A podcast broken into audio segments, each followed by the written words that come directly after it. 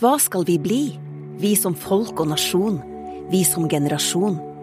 I ei tid full av utfordringer, men òg muligheter, la oss bli de som tok ansvar og styring, som skapte nye bransjer og næringer, som oppfylte håpet om bærekraftig vekst, som ville noe nytt, noe bedre, noe mer. NHH vil noe mer.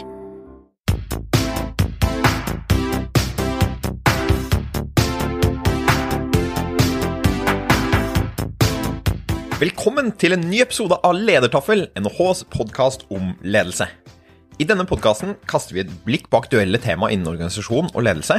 Vi diskuterer hva forskningen sier, og vi kommer med noen av våre tanker om hva ledere kan gjøre annerledes for å lykkes der de er. Mitt navn er Marius Jones, og jeg er ph.d.-stipendiat her ved Norges handelshøyskole. I denne episoden så snakker vi om bruk av personlige bruksanvisninger i samarbeid med andre. Og vi har med oss Jakob Mørk, som er managing partner i Braver.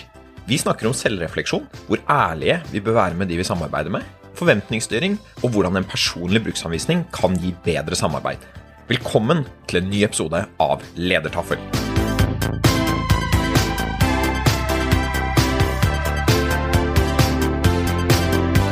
Vi skal snakke om bruk av en personlig bruksanvisning for bedre samarbeid på jobb.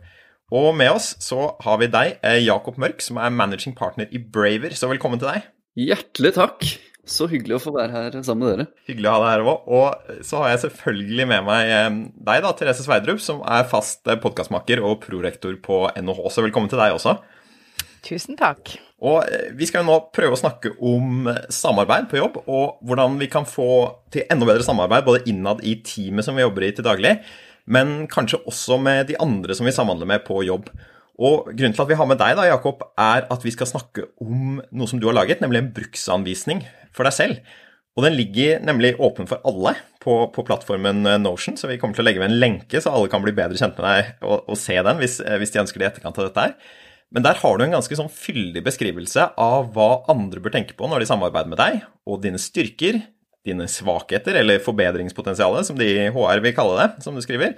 Eh, ting du liker og misliker, og noen sånne fun facts eh, om deg selv. Og I denne episoden så vil vi utforske hvordan man kan bruke en slik bruksanvisning for å bidra til bedre samarbeid, og hvordan dette her også passer med eh, teamforskning, da, hvis vi løfter litt blikk på det, som kanskje du skal bidra og si litt om, da, Therese, etter hvert. Men hvis vi begynner helt sånn med deg, da, Jakob, begynner fra starten. Eh, kan du si litt om eh, hva som gjorde at du valgte å lage en sånn bruksanvisning? Ja, selvfølgelig. Bakgrunnen for dette er jo at jeg opplever at um, når man skal begynne å samarbeide med nye mennesker, så er det ofte en fase der man skal bli kjent, og man skal uh, i metaforisk overført betydning ta og føle litt på hverandre. Og prøve å forstå hvordan man eh, skal jobbe best mulig sammen. Og den fasen eh, involverer jo ganske mye friksjon ofte. Og den, jeg opplever at den tar unødvendig lang tid. Eh, spesielt hvis ikke man følger et strukturert eller intensjonelt løp da, for å prøve å finne ut av hverandre. Så jeg tenkte som så at um, vi har jo stadig nye mennesker uh, om bord hos oss i selskapet vårt som skal ha en eller, annen, en eller annen profesjonell relasjon med meg. Og så tenkte jeg, hva ville skje hvis jeg skrev ned alt det som de kommer til å finne ut i løpet av la oss si, de første seks månedene eller et år, et år om meg uansett? Hvis jeg bare skrev det ned og serverte det på dag én, og var helt åpen om at uh, dette er de måtene jeg er uh, skrudd sammen på, og dette er uh, sånn jeg er rar og merkelig, og hvis du er obs på, på, A, B og C, så tror jeg at vårt profesjonelle forhold vil bli smoothere, da. Og at vi vil klare å komme raskere til et sted der vi jobber godt sammen. Kult. Og har det blitt smoothere, som du sier? Det, hvordan er det dette påvirker samhandlingene med folk? Nei, Jeg syns jo at uh, det har funket godt. og Jeg tror at det har to ting for seg. Og den første um, er nesten før man begynner å samarbeide med noen, og det går mest på å bruke dette som et verktøy for å bli obs på sine egne eh, rariteter. Egentlig som et selv, selvinnsiktsverktøy. For når man skal sette seg ned og skrive ut hva man ønsker at sine kollegaer skal være obs på om en selv, så må man jo først skape en form for awareness rundt de tingene for sin egen del. Så sånn sett syns jeg det har vært nyttig. Og så når jeg har tatt det ut da, og gitt det til teammedlemmene mine og hatt måtte, samtaler rundt dette, og også fått dem til å lage sine egne bruksanvisninger, så opplever jeg at vi får et felles språk rundt en del ting som ja, preferanser vi har, eller eh, ting vi liker eller misliker, eller måter vi eh, jobber godt eller mindre godt på, osv. Og, og da kan man ofte referere til Hvis det spiller seg ut en situasjon, da, så kan man typisk se at å ja, det der, det, det høres jo kjent ut, for det har jeg jo lest om i denne bruks, bruksanvisningen. Det er jo et, et videre poeng da, som handler om å bruke dette som en signaleffekt. Eh, for å signalisere internt at vi ønsker å bygge en eh, internkultur på selvinnsikt og selvrefleksjon. Og eh, intensjonelle måter å jobbe på. Når jeg som ja, i, min, i, min, posisjon da, går ut og er såpass eh, gjennomsiktig på og legger, skriver sort på hvitt at eh, her er det jeg er god på, ikke minst her er det jeg ikke er spesielt god på, og her er det jeg ønsker hjelp med. Så håper jeg jo at det har en, en form for signaleffekt til de andre, da, som sier at dette er et trygt space, og vi har psykologisk trygghet nok og tillit nok til hverandre til at vi kan dele den type ting åpent. da. Kult. Har du lyst til å reflektere litt rundt det Jakob sier her, eller Therese? For hvis eh, du som forsker på team eh, hører dette her, hva, hva tenker du da? Nei, og det er jo grunnen til at Jakob er med i denne episoden. Fordi at vi ble jo superfascinert når vi eh, leste om denne oppskriften om Jakob. Fordi at eh, de som har hørt på tidligere episoder av Ledertaffel, har jo hørt når jeg har snakket med Henning Bang om utrolig viktig denne oppstartsfasen er for team. Fordi at det skjer så mye i oppstarten med hensyn til noen førsteinntrykk og noen normer som dannes, og noen kanskje uhensiktsmessige normer, og så går man litt i feil spor hvis man ikke avklarer ting i forkant. Det vi snakket om i den episoden, var jo òg det med å bli litt kjent med de andre, at det er viktig at man vet noe om de andre personene. Og så trigget du oss på, Marius, dette her med, med tester og så videre, sant, og roller og klovn og disse tingene her, så vi var litt skeptiske til. Men så nevnte vi viktigheten nettopp av å kjenne de som er i teamet, og hva som trigger de og ikke trigger de, og hva som eh, er positivt og negativt med de forskjellige personene, hvis man kan bruke så eh, rare begreper om noe. For det, vi sier jo typisk selvutvikling, og vi har potensialet. Men uansett så kom vi over denne oppskriften med Jakob, da. Og så tenkte jeg dette var en utrolig fin måte å bare ta dette fra dag én, ikke sant? At du, jeg skal inn og uh, samarbeide med Jakob. Hvis jeg kan få lov å, å referere litt fra oppskriften, Jakob. Ja, vær så god. Så står det at uh, du liker veldig godt å um, jobbe med, med, hodet ditt for deg selv på morgenen før lunsj. Så helst ikke så mange møter før lunsj. Sant? Så det kan være et veldig sånn enkelt og konkret punkt som Ja, nå skal man strukturere et møte med, med Jakob. Helst ikke før lunsj. Da liker han å, å holde på med sine prosjekter. Men du må for all del ikke drive og ringe han. For det liker han ikke veldig godt, står det her. Han liker ikke så godt å snakke i telefonen, tydeligvis. Liker at det skal komme i tekstformat.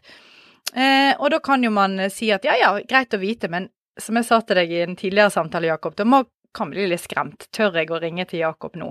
Men uansett, da. Jeg syns det der var veldig gode eksempler, som jeg sa dette tror jeg flere kunne hatt uh, nytte av. Og når vi sjøl har brukt det vi kaller en teamkontrakt, uh, så vi får våre team, eller når vi har forsket på studentene, så står de i den første oppgaven til den teamkontrakten som studentene må, må, reflektere over. Det er hvilke egenopplevde styrker og svakheter har du i forhold til å jobbe i team. Så det er den aller første oppgaven de må gjennom, fordi vi tror nettopp på det at når folk blir tvunget til å si noe, og det er forbausende hvor ærlige disse studentene våre kan være. De kan f.eks. si det at detaljfrik, eller perfeksjonist. Utrolig nyttig for de andre å vite da, at når man sitter der og skal levere en oppgave, så sier da Therese, som er perfeksjonist, nei, nei, nei, nei, vi er ikke ferdig, jeg, jeg, er ikke fornøyd, sant. Men da kan de andre tenke ja, ja, men det er jo typisk Therese, sant, hun, eh, hun blir nok aldri fornøyd. Og så får man en dialog rundt det på den måten. Så eh, veldig sånn bottom line på hvorfor jeg syns dette er veldig fascinerende å snakke om, så er det det at Vi kan ikke håndplukke mennesker inn i team ut fra en personlighet de har.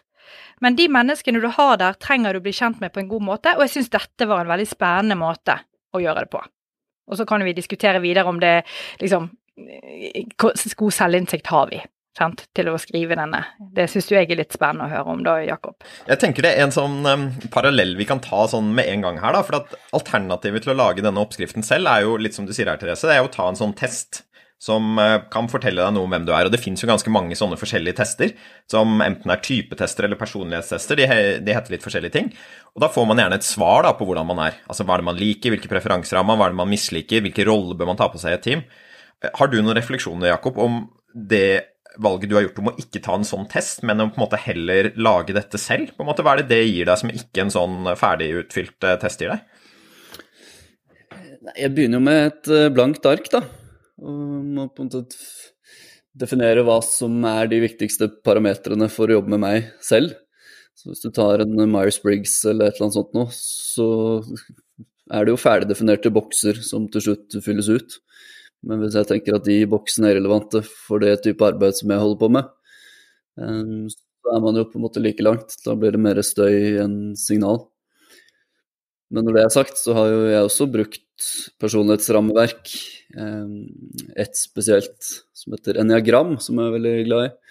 Som et verktøy for å både øke egen selvinnsikt og forstå andre eh, mennesker bedre. Eh, men det blir jo bare ett av mange ting i verktøykassa. Ja, hvis jeg skal skyte inn der, så, så syns jeg nettopp det at det jeg avsluttet litt med i sted, at hvor god er vi egentlig til å drive denne selvinnsikten? Og nettopp et sånt verktøy kanskje kan trigge noen tanker, da, og så kan man spinne videre på det. Og det er jo det jeg opplever. For når jeg leser denne oppskriften om deg, Jakob, så skriver du det. Min eneagramtype, eh, fem. Wing six, står det her, but also strong three tendencies. Sant? Så ut ifra å gå inn i eneagrammet, så kan vi faktisk lese, bare ut ifra det lille der, at fem er jo en tenker og observerer. En som er eh, typisk analytisk, regner jeg med. Så det er vel deg eh, sånn kjapt oppsummert, eller? Ja, det kan man vel si. Nei, men jeg syns det er kult det der også, at det, er, det, kan være en kombinasjon av de her. Det ene utelukker ikke det andre. Og, og, jeg tenker også litt en parallell som vi kanskje bør dra der også, Therese, er jo til ditt forskning på psykologiske kontrakten i team, som handler om på en måte de gjensidige forventningene til andre. Eh, som man har i teamet. Og, og, tenker du, Er det en overlapp her mellom på en, måte, en bruksanvisning man går inn med, og forventningene man har til andre, eller tenker vi at det er to forskjellige ting? Altså, det er En psykologisk kontrakt er et individs antagelse om det gjensidige bytteforholdet som finnes med, en annen part. Altså, det viktige der er det gjensidigheten. Jeg, hvis jeg gjør A, så forventer jeg å få B tilbake. Så det er veldig viktig at det er en resiprositetsdimensjon i det. Så hvis jeg, eh, Jakob, jeg hjelper deg veldig mye med, med en arbeidsoppgave, så forventer jo jeg at i neste omgang, eh, når, du, når, jeg spør om du kan hjelpe meg, at du stiller opp, ikke sant? Nettopp.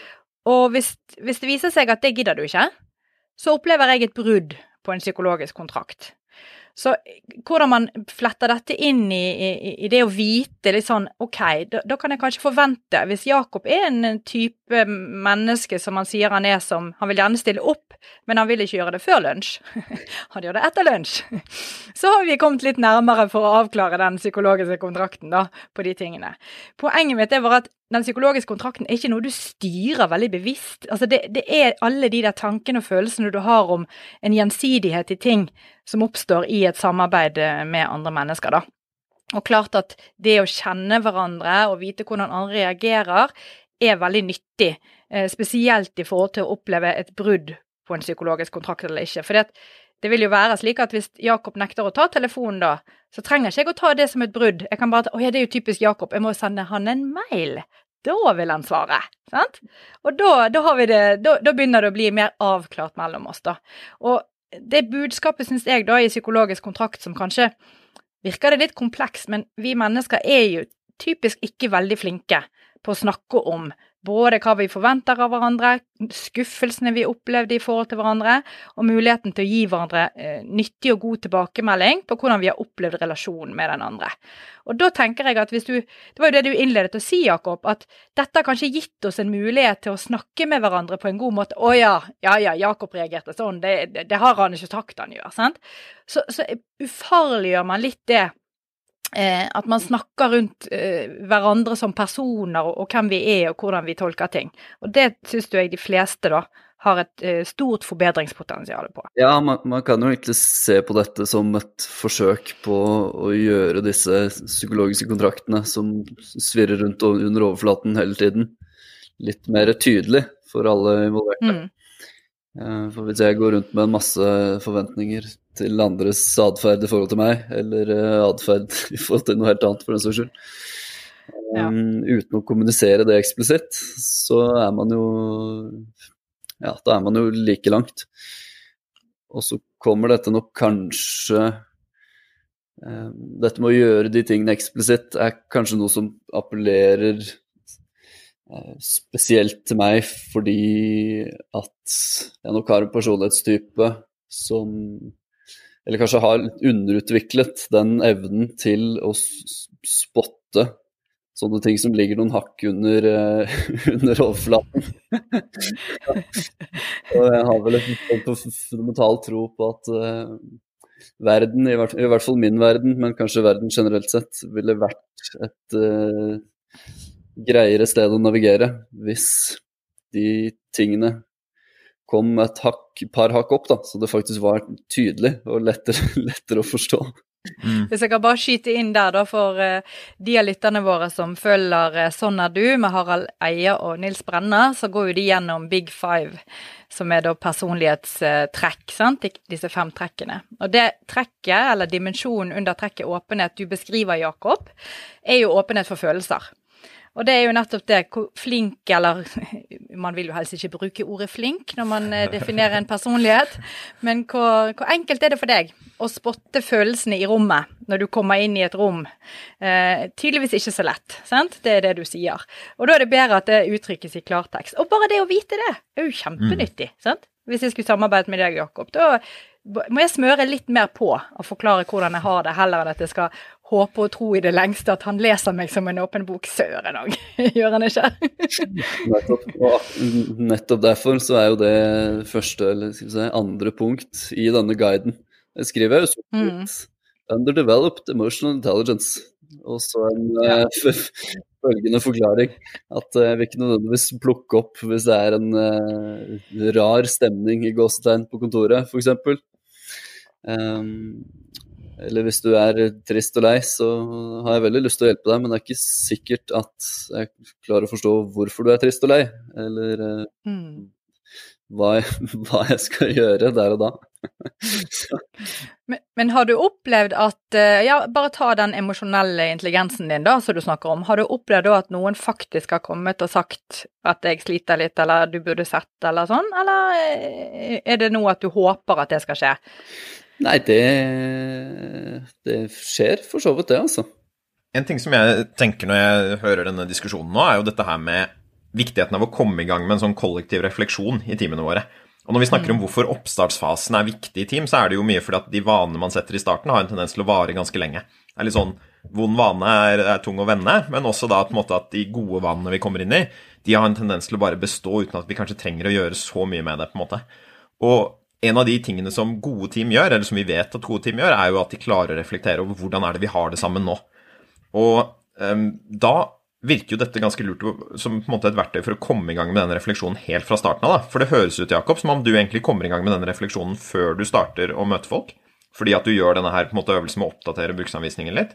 Og så at det er noe som skjer ganske tidlig i ditt møte med andre, for da kan du på en måte vise den fram. Jeg vet ikke om dere har samtalerom òg, ja, du har skrevet ditt og datt, hva betyr det for samarbeidet vårt? Vil du si litt om hvordan en sånn her bruksanvisning kan hjelpe deg å være mer reflekterende sammen med andre når dere samarbeider? Ja, absolutt. Jeg er jo i en litt heldig situasjon i den forstand at eh, det i stor grad er opp til meg hvem jeg jobber sammen med. det, er jo en luksus ikke nødvendigvis alle har, da. Um, men gitt den situasjonen, så bruker jeg dette også Så nå f.eks. For i forrige uke så var vi i en prosess der vi holder på å ansette en ny person, og så har vi da et par kandidater. Og så, som en del av kalle ITU-prosessen eller screening-prosessen for å velge en kandidat, da, så sender jeg da over min bruksanvisning, ikke sant, fordi vedkommende skal jobbe tett sammen med meg. Og så har vi da en påfølgende samtale om dette. Og da er det jo to poenger med den type samtale fra mitt perspektiv. Det ene er jo å prøve å høre vedkommendes refleksjoner rundt vår grad av kompatibilitet, eh, på det som står her. Og den andre tingen jeg prøver å screene for, er i hvilken grad vedkommende at du kjøper ideen om at eh, Ikke nødvendigvis at en bruksanvisning er løsningen på alt her i verden, men ideen om at selvinnsikt har noe for seg i en profesjonell kontekst. For uh, dette er jo en, en liksom polariserende ting å gjøre, ikke sant. Noen syns det er mm. mega, mega kult. Og så er det noen som syns at det er kjempeteit, og det var absolutt ikke noe for meg. Og, og min, min, hypotese er at hvis man syns at dette er uh, kjempeteit, det er jo en ærlig sak, men da tror jeg at det er et, et ganske godt signal på at man kanskje ikke vil være så kompatibel med akkurat den organisasjonskulturen som vi veldig aktivt prøver å skape. Da. Mm.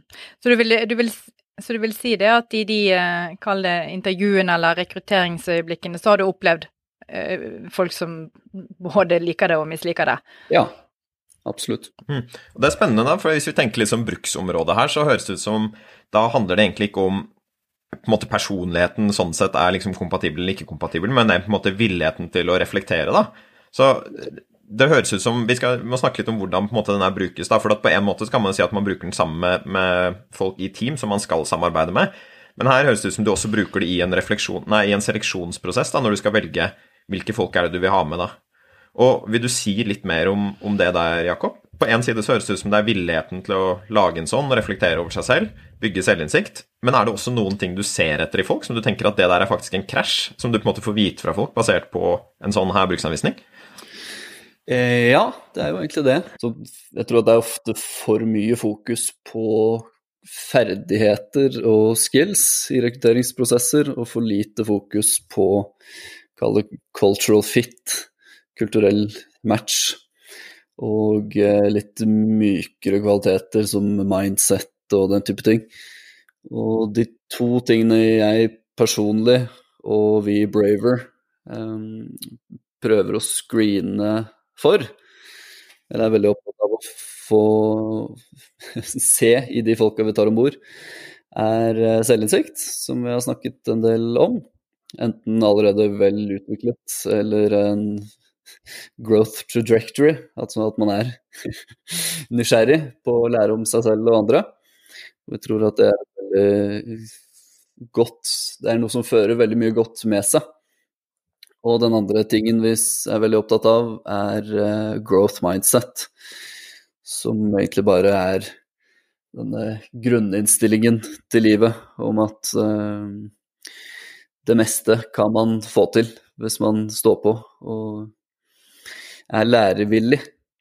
Og hvis man har de to tingene så i, i store doser, så tror jeg at de fleste ferdigheter og eh, kalle hard skills kan Man kan lære det høvelig kjapt, da. Men så lære seg en interesse for eh, ja, å lære selvinnsikt og lære seg eh, growth mindset hvis man ikke har noe fnugg av noen av delene. Det tror jeg er et, et mye større løft å ta. Da. Har du noen tanker om dette med bruk av sånt i seleksjonen, Therese? Tror du man kan på en måte se noen personlighetstrekk eller noe man kan skrive en bruksanvisning som gjør at du passer eller ikke passer en jobb? Altså, Vi vet jo det at en god del seleksjons... Eh, altså sånn type tester i dag når du bruker evnetester og personlighetstester, kan teppe inn i akkurat de dimensjonene Jakob sier. Mm. Og man ser jo det at eh, forskning på mm, rekruttering og god rekruttering det handler jo om å bruke et sett av ulike sånne utvelgelsesverktøy. Og det som Jakob sier her, er jo at eh, OK, bare dropp å ha en test i det hele tatt. Be, be kandidaten selv eh, lage en analyse på eh, hvem jeg er. Da finner du ganske fort ut om den personen har selvinnsikt eller ikke. sant? Mm. Så, så, jeg, synes, jeg ble litt trigget av det, og jeg kjenner jo på at dette her burde vi forske på. Altså Vi burde jo gått inn og sett litt på hvordan dette Ja, hva resultater det faktisk gir, da. For jeg tror at eh, Ja, jeg syns, jeg syns det er spennende. Men jeg ser òg egentlig nesten med gru på å lage min egen sånn oppskrift. si litt om det, Therese. Hva er det, gjør, hva er det som oppstår i deg når du tenker på å lage en sånn en? Nei, hva er det jeg kjenner på da? Jeg er nå åpen, og jeg tror jeg har growth mindset og disse tingene her, men, men det er liksom det der når det blanke arket stirrer imot deg, så kan man bli litt sånn Oi, hvor begynner jeg henne? Så jeg hadde jo håpet, Jakob, at dere hadde noen sånne kategorier eller et eller annet de kunne skrive rundt. Eh, for eksempel sånn hva Du har jo i oppskriften din her, sant? Topp fem ting jeg tenker du må eh, tenker på for å jobbe med meg, og så hva liker jeg, osv. Så, videre. så jeg regner med det er noen sånne kategorier. Da skulle jeg kanskje klart det bedre enn at det, det stirret et blankt eh, ark mot meg. ja, det, det, vi har, er en eh, et, et liste med refleksjonsspørsmål som man kan ta utgangspunkt i. Ja. Veldig bra. Kan du nevne noen av de? Fordi at, eh, sant, Marius, når du spør om sånn, da kommer jo forskeren i meg frem. sant? Jeg blir jo helt Jeg kan jo altfor mye om min egen personlighet sant? gjennom Big Five. Jeg kan jo skrive side opp og side ned på mine scorer på nevrotisisme og ekstroversjon, og det blir jo eh, hadde, Folk hadde sikkert trodd jeg var gal. Du får ha en liten bok vet du, når du møter andre. Ja, så har du jo alt sammen. Les den først. Mm. Her har vi et par stykker. Hvordan foretrekker jeg å bli kommunisert med? Hva skulle jeg ønske at eh, andre visste om meg? Det beste stedet jeg noensinne har jobbet, var X. Det var supert for meg fordi prikk, prikk, prikk. Hvordan ser eh, en ideell arbeidsdag og arbeidsuke ut for meg? Og så to av mine favoritter. Hva er jeg god på som ikke er åpenbart ved første øyekast? Og nesten, eller påfølgingsspørsmål til den er hvordan kan jeg skape verdi utenfor den uh, definerte rollen jeg har? Jeg opplever at mm. veldig mange blir satt i en mm. bås, enten i uh, organisasjonskartet eller uh, du er designer, derfor skal du bare drive og gnu på hvordan pikslene ser ut. Men de mm. fleste av oss kan jo heldigvis veldig mye mer enn én ting. Veldig spennende, også. og særlig den siste merket jeg at den, den, vekket noe i meg. For det tror jeg er en erfaring jeg har gjort meg nesten alle steder hvor jeg har jobbet at når jeg kommer inn i starten, så blir jeg sett for rollen min. Og etter hvert som jeg blir kjent med folk, så kan jeg begynne å gå utenfor den. Og så ser folk andre kvaliteter eh, ved meg enn det som er i rollen. Men det tar litt tid, altså. Så hvis man kan mm. kickstarte den prosessen og komme i gang tidligere, så høres det veldig lurt ut. Mm. Og det høres jo ut som en gjenganger i alle disse spørsmålene er på en måte ting som andre har godt av å vite, men som ikke kommer av seg selv, da. At det mm. virker å være en rød tråd i spørsmålet. Ja. Og så den, eh, si den siste eller to siste som går litt mer på de vanskeligere tingene som kan være vanskeligere å snakke om. Da. Her har vi f.eks. hva er noen usunne tendenser jeg kan ha, som du bør være klar over? Og hvordan kan du hjelpe meg å komme tilbake til et sunt state of mind? Så hvis man klarer å svare ærlig på de, den type ting, da begynner vi å komme ganske, ganske dypt. Er dette en oppskrift dere har laget selv, eller er det en, et sted man kan finne eh, på internettet eller et annet sted? Eh, nei, den har jeg for så vidt laget selv, men jeg kan dele den Jeg kan f.eks. Legge, legge en link til alle spørsmålene nederst i min egen bruksanvisning. Ai, ai.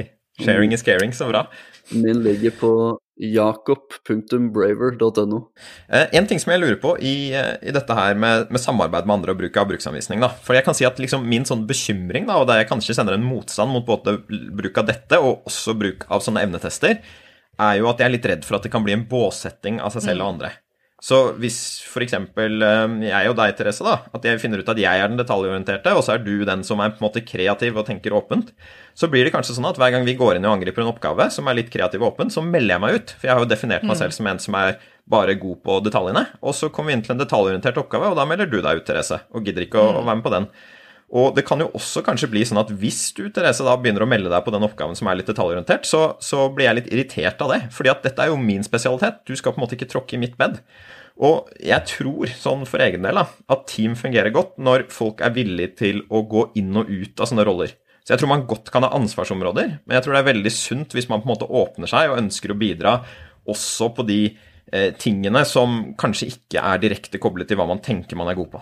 Så har du noen refleksjoner rundt dette her, Jakob? Hvordan kan du bruke sånne her bruksanvisninger eller tester på en måte som gjør at du får fram de her gode sidene uten at det blir en sånn båssetting av folk? Ja, der har jeg et uh, starte med et sitat som jeg liker veldig godt. Som også kommer fra dette det enneagramverden, som for øvrig var noe jeg var ekstremt skeptisk til. Helt til uh, jeg leste en bok og opplevde at disse forfatterne kikket inn i, dypt inn i sjelen. Um, men uh, de, i starten av den boken da, så adresserer de jo skepsisen som sånne mennesker som meg har i møte med den slags. Og der skriver de, adresserer de akkurat det du sier også, at du vil ikke dette bare sette meg i en boks. Og det de skriver der, da, er at poenget med disse, dette personlighetsrammeverket er ikke å sette deg i boksen eh, din personlighetstype, men heller å gjøre deg bevisst på den boksen du allerede er inni. Mm. Om at du kan eh, hoppe ut og utfolde deg på utsiden av den På utsiden av de self-imposed eh, veggene eller rammene da, som vi har en tendens til å leve innenfor neste poeng kanskje at det er jo alltid en balansegang mellom dette å prøve å putte rett folk i rett sete, mm. som handler om å la folk spille på styrkene sine i så stor grad som mulig. Men samtidig hensynta det du sier, da, at det kan ligge mye vekst og utvikling både for den enkelte og for team som sådan, hvis man i tillegg får utfolde seg og prøve på ting som kanskje er utenfor ens eh, komfortsone eller kompetanseområde, eller begge deler. Det er jo en, rett og slett en krevende ledelsesoppgave. Å mm. være bevisst på det og prøve å hensynta det i det daglige virket.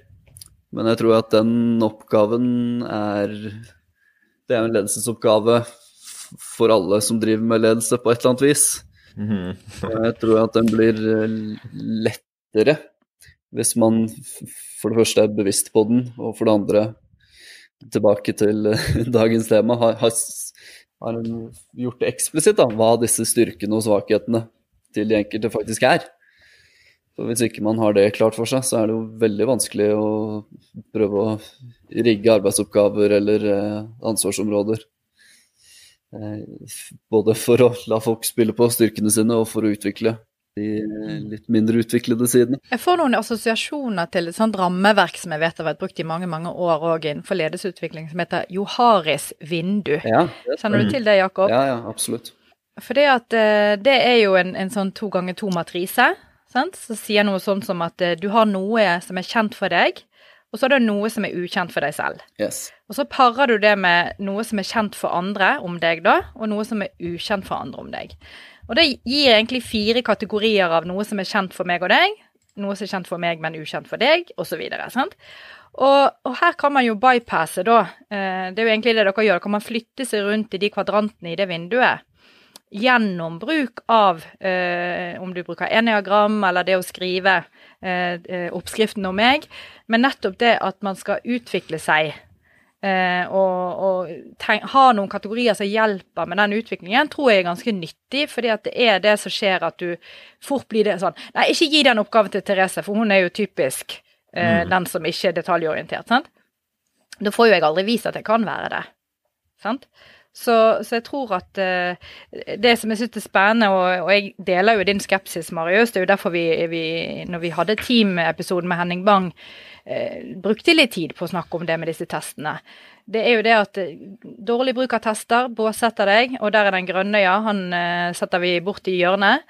Men god bruk er jo nettopp at du bruker det til selvutvikling. Og, og, det at dere legger så stort vekt på det å ha growth mindset, Jakob, så jeg regner med dere har eh, funnet inspirasjon hos Carol Dweck eh, og, og, det arbeidet hun har gjort. Forskjell i, i fixed og uh, growth mindset. Eh, og for de som hørte på episoden vi hadde med Nicolai Tangen, mm. så diskuterte vi nettopp bruken av ordet talent i, i den sammenheng. Eh, eller når du sier til noen 'Å, du er så smart'. Sant? Hva er det som ligger i det å være smart? Det virker som det er noe du, du bare er, men ikke noe du kan utvikle det til å bli. Sant? Det, det er litt sånn Hva ord bruker du for å beskrive eh, andre mennesker, og, og i hvilken grad det gjør det de statisk eller dynamisk i sin utvikling. Det tror jeg er utrolig viktig. Og, og jeg snakket akkurat med en kollega vi har felles, Marius, Annelise Lie, mm. om vi burde ha en egen episode om bruken av ord. Og kommunikasjon og, og ledelse. For um, det er jo det vi gjør. Vi sitter her og babler i vei, vi tre. Og vi bruker ord. Men hvor bevisst er vi på hva ordene betyr og hva skaper det av følelser i oss, og, og, det statiske og det dynamiske. Veldig kult, også. Og det er også sånn oversettingsproblemer, på en måte, om de som lytter på denne her, legger det samme i de ordene som, som vi gjør, da. Mm. For det, det, ser jeg for meg at man av og til gjør, av og til ikke i det hele tatt, altså. Mm. En sånn annen ting som jeg tenker på er kanskje relevant da, hvis man skal sette seg ned og lage en sånn her bruksanvisning, er jo hvor ærlig skal jeg være? Og kanskje særlig på disse sidene ved seg selv som kanskje ikke er så flatterende, hvis man har noen av de.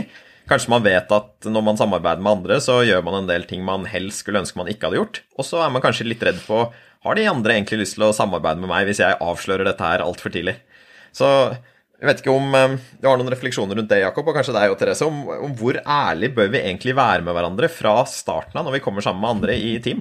Det er et godt spørsmål. Jeg tror det kanskje avhenger litt av hva slags organisasjonskultur man skal inn i. Og jeg har ikke vært en del av så veldig mange store organisasjoner i mitt liv, skal jeg innrømme. Det eneste kalde utgangspunktet jeg har, er den kulturen jeg og vi prøver å skape selv. da. I den så ønsker vi jo at det skal være rom for å være så brutalt ærlig som overhodet mulig. Og tror at det har mye for seg. Men da må man jo selvfølgelig demonstrere at det faktisk er trygt å være så ærlig hos oss. Og det må jo gå igjen i alt fra hva vi som ledelse gjør og sier selv, og hva vi insentiverer, og hvilke ja, rutiner vi har, og hvordan vi opererer. da. Og hvis det blir dispens, mm. og vi havner i en situasjon der vi skriver fine sider opp og sider ned, om at vi skal være modige og ærlige og åpne, og så agerer vi tvers motsatt, så catcher folk det rimelig kjapt, at her er det noe som skurrer. Så det må jo tas ut i, i hverdagen og i, i, det man holder på med, da. Hm. Det er god refleksjon, for jeg ser jo det er ganske mye ærlighet i denne kontrakten du har, da. Blant annet det du skriver med at du ofte kan være veldig streng i feedbacken du gir, og at du kanskje ikke gir så mye sånn ros også. At det får lov til å komme frem der. Jeg vet ikke, Hva tenker du, Therese? Hvor, eh, hvor, ærlig ville du vært hvis du skulle gitt ut, laget en sånn her til kollegene dine på jobben vår? Nei, det, jeg tror jo altså, jeg, Nå ville jo jeg vært brutalt ærlig, for jeg kjenner jo alle, og vi har det trygt. Mm. Det er jo nettopp det Jakob sier, at det å være ærlig fordrer at du er i et miljø der det å være ærlig er trygt. Mm. Og bli møtt. Fordi at alle mennesker har gode og dårlige sider. Og så er spørsmålet hvor bevisst er du dine dårlige sider, og det er jo det vi snakker om her. sant? Eh, noen er det, noen er det ikke. Apropos Joharis Vinde med ukjent for deg, og, men veldig kjent for andre. Der kommer sjefen, sant? Um, og det er det vi streber etter, at vi hele tiden skal, skal komme oss på den veien der vi blir eh, bevisst våre ja, dårlige sider og kan jobbe med det og være ærlig med det. Eh, mm. Så jeg tenker jo at er du i et trygt miljø, vær så brutalt ærlig som du kan eh, om deg selv, og så er det det med tilbakemelding til hverandre. Det å være brutalt ærlig med andre og være veldig direkte, det, det kan også ha noe fint for seg hvis det igjen er trygt og godt. Hvis ikke kan det oppleves som, som kritikk, og, og, man blir redd. sant? Så, så, er det sånn Å nei, nå kommer han igjen. Og, og jeg sier Marius, la oss ta oss to som eksempel, da. Sant? Du sender mm. meg en artikkel. Mm. Jeg skal gi feedback, og hva gir jeg feedback på? Alt som er feil. Yes.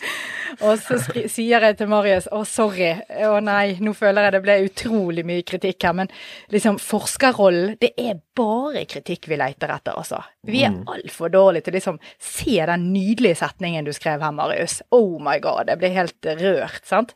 Jeg skriver jo ikke det, selv om jeg kanskje tenkte det. Men, men det er litt sånn ja, eh, nå, nå, driftet dette for å være ærlig til kritikk, da, men, men, det handler jo noe om hva miljø man er i, og, og, og tryggheten det har eh, for å ha de eh, dialogene. Og jeg, jeg, jeg, mm. kan liksom huske tilbake fra når jeg begynte på NHH selv, eh, skulle ta en doktorgrad her.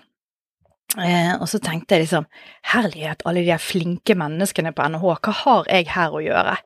Det tar ikke lang tid nå før de banker på dørene bare sånn Oi, unnskyld Therese, vi tok visst feil. Du kan jo ikke være her.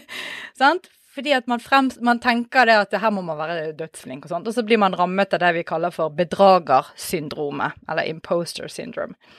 Som er Ja, vi, vi, mennesker kan være veldig forskjellige på hvor mye, i hvilken grad vi har det, men jeg kan absolutt innrømme at dere har hatt masse av. Jeg har lært meg å leve med det og jobbe med det. Men, men det igjen òg, å tørre å snakke om det, da. Sant? At du, du betviler deg selv eh, og din egen kompetanse, spesielt i miljøer der det er mange dyktige og flinke mennesker du ser opp til. Det, det er også en viktig bit av ja, rundt det vi snakker om. Hvordan takler jeg det å være i, i samhandling med andre mennesker som jeg opplever er veldig dyktig? Mm.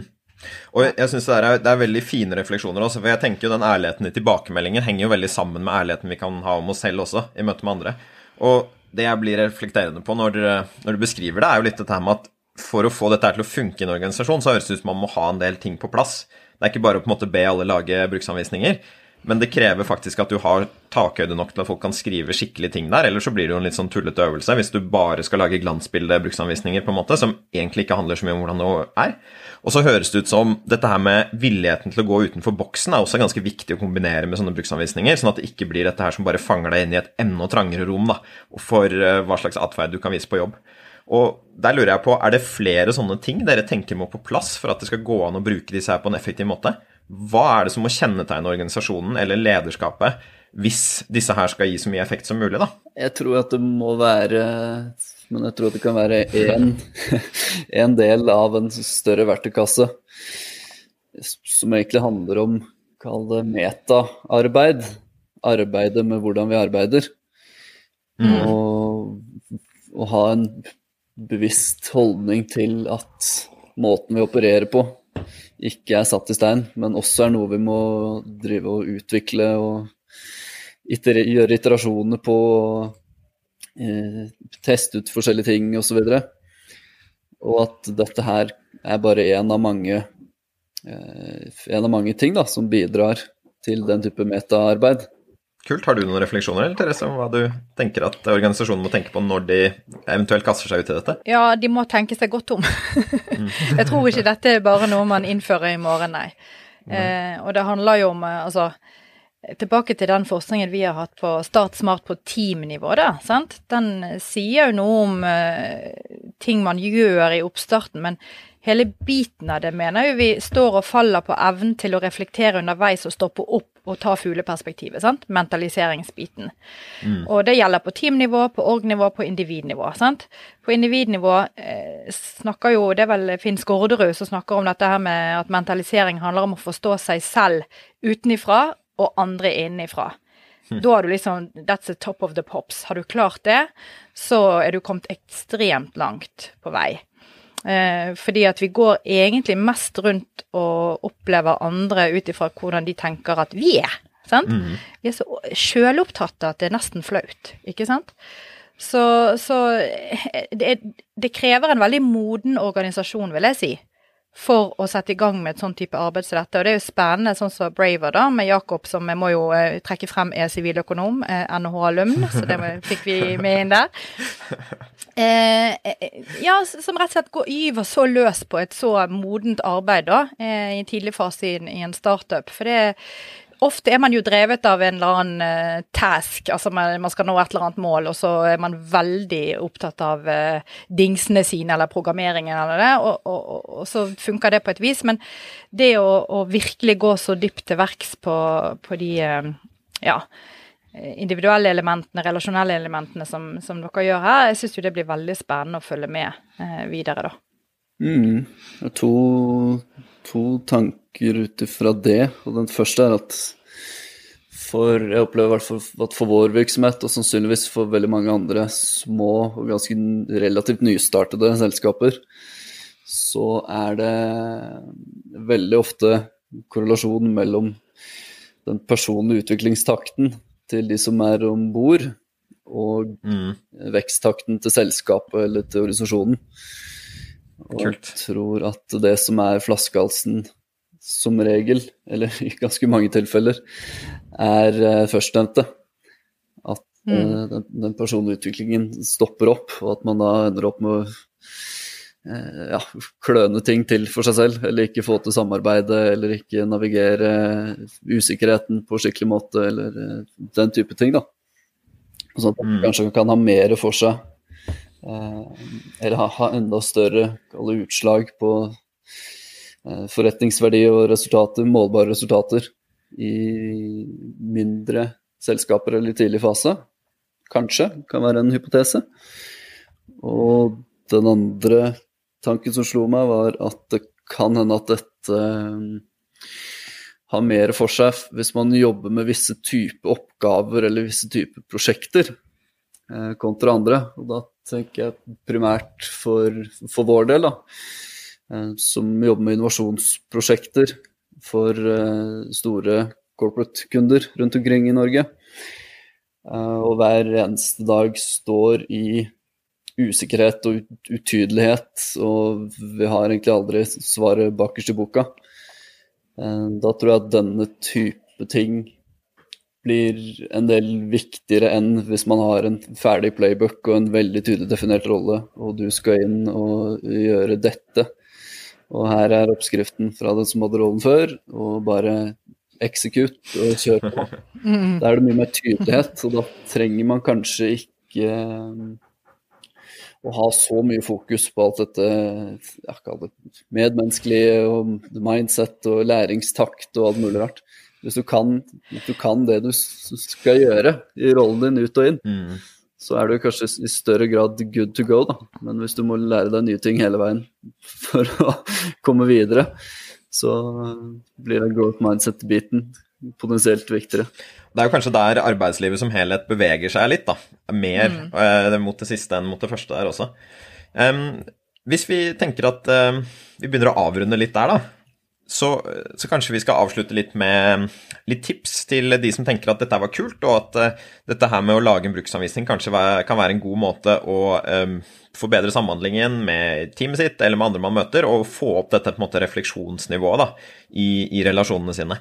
Og kanskje dere begge vil komme med tre små tips for å på en måte runde av. Hva, hva tenker dere at er viktig å tenke på for de som setter seg ned og tenker at nå kanskje jeg skal lage en sånn opps, eh, bruksanvisning eller noe annet som på en måte kan øke refleksjonsnivået? Hvor starter man da? Det, det over, overordnede spørsmålet her, som kan være trigger-spørsmål nummer én, hva er det jeg skulle ønske at andre visste om meg? Jeg tror veldig veldig mange går rundt og irriterer seg over de samme tingene dag ut og dag inn. Men hvis ikke det fins forum å adressere den type ting, blir det jo aldri løftet opp i dagen. Så hvis man Mm. kan starte der, da, og fange svaret på det spørsmålet, eh, eller svaret ned på det spørsmålet, så tror jeg man har kommet eh, veldig langt. Så må man jo bare håpe at det er et kall det mottaksapparat, eller at man har kollegaer som uh, tenker at det kan være hensiktsmessig å ta hensyn og ja, se, ser verdien i å tilpasse måten man opererer på, da, for å få det beste ut av uh, hverandre. Tips nummer to kan vel være å tilpasse ærlighetsnivået, eller hvor, hvor, hvor hardt man går ut da, i første omgang, til uh, den kulturelle konteksten i sin egen organisasjon. Så hvis du går helt i radical honesty-modus på dag én, eh, i en organisasjon som ikke har noe kultur for å snakke om noe annet enn eh, kolonne C17 i Excel-arket, så kan det kanskje gå absolutt alle veier. Det, da kan det sikkert være lurt å starte litt roligere. Um, så det er kanskje tips nummer to. Og tips nummer tre, hvis man er så heldig at man har en annen form for lederposisjon, så tenker jeg at og, og hvis man tenker at dette her har noe for seg, at man ønsker å utvikle organisasjonen sin i en retning, denne retningen, da, med mer åpenhet og kanskje sterkere tillit til hverandre osv. Så, videre. så kan man jo gå foran som et godt eksempel. Jeg opplever i hvert fall at jo, jo ærligere vi, jeg og de andre partnerne i selskapet er, jo, eh, jo lettere er det for de ansatte å hive seg på, da. Bra greier også, Jakob. Det er fine, fine grunner der. Har du noen uh, på slutten også, Therese? Punkt én. Før du i det hele tatt er i gang, er du nødt til å ha etablert en psykologisk trygghet. Punkt to. Jeg tror for å lage en god oppskrift og be folk gjøre det, må du hjelpe dem med det. enten de spørsmålene som Jakob sa, eller ha noen kategorier, sånn at det blir veldig konkret. Og så punkt tre. For å bruke dette så er man nødt til å ha jevnlig oppfølging, altså refleksjonsfase, for å, for å eh, både se hvordan fungerer det å bruke dette, og det å endre sin egen eh, kalle oppskrift. fordi at da ser vi jo om vi faktisk utvikler oss. Ikke sant. I takt med at Johari-vinduet åpner, så må man gå og gjøre endringer. Hadde du en kommentar, eller, Jakob? Ja, en, eh, et tips til til en annen praksis som vi liker veldig godt, som er ganske koblet på dette her, er noe vi kaller for Ventilen. Som ja. er et forum vi liker veldig godt, som er, varer i 90 minutter hver fredag ettermiddag. Og da samles eh, absolutt alle i Braver i eh, en Zoom-call i disse dager. Og så er det et helt åpent forum for å snakke om eh, ting som ikke er oppgave- eller prosjektrelatert. Så der eh, er det typisk eh, ting som dreier seg om hvordan vi egentlig har det, og hvordan kommunikasjonen funker eller ikke funker. Og man kan ta opp friksjon som har utspilt seg den siste uken, eller hvis man har hatt vanskelig hjemme, eller hvis man er takknemlig for noe, eller hva som helst. Og det leder til et par ting. For det første så demonstrerer det jo til alle at vi faktisk tar dette seriøst.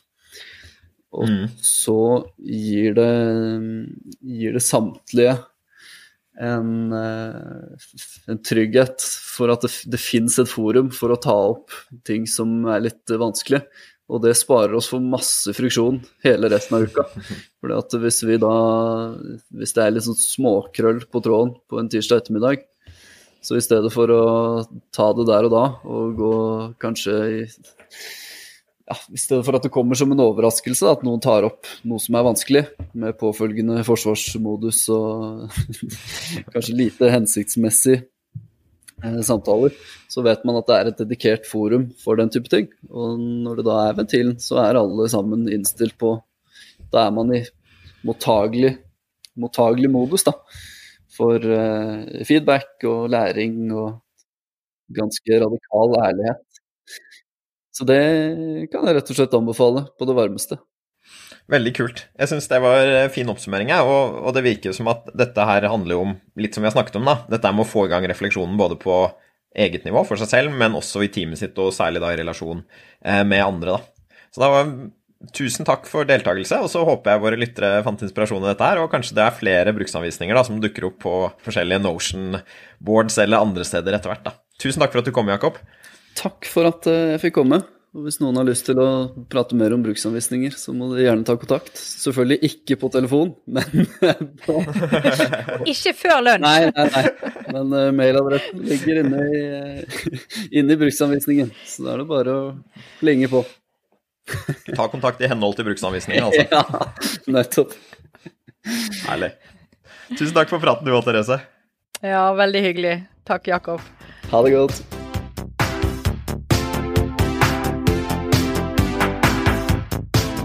Du har nå hørt en ny episode av Ledertaffel, NHHs podkast om ledelse. I studio i dag var Jakob Mørk, Therese Sverdrup og meg, Marius Jones. Om du vil vite mer om hva vi holder på med på Norges handelshøyskole, så finner du oss på nhh.no og ved å søke på NHH på Facebook. Vi høres!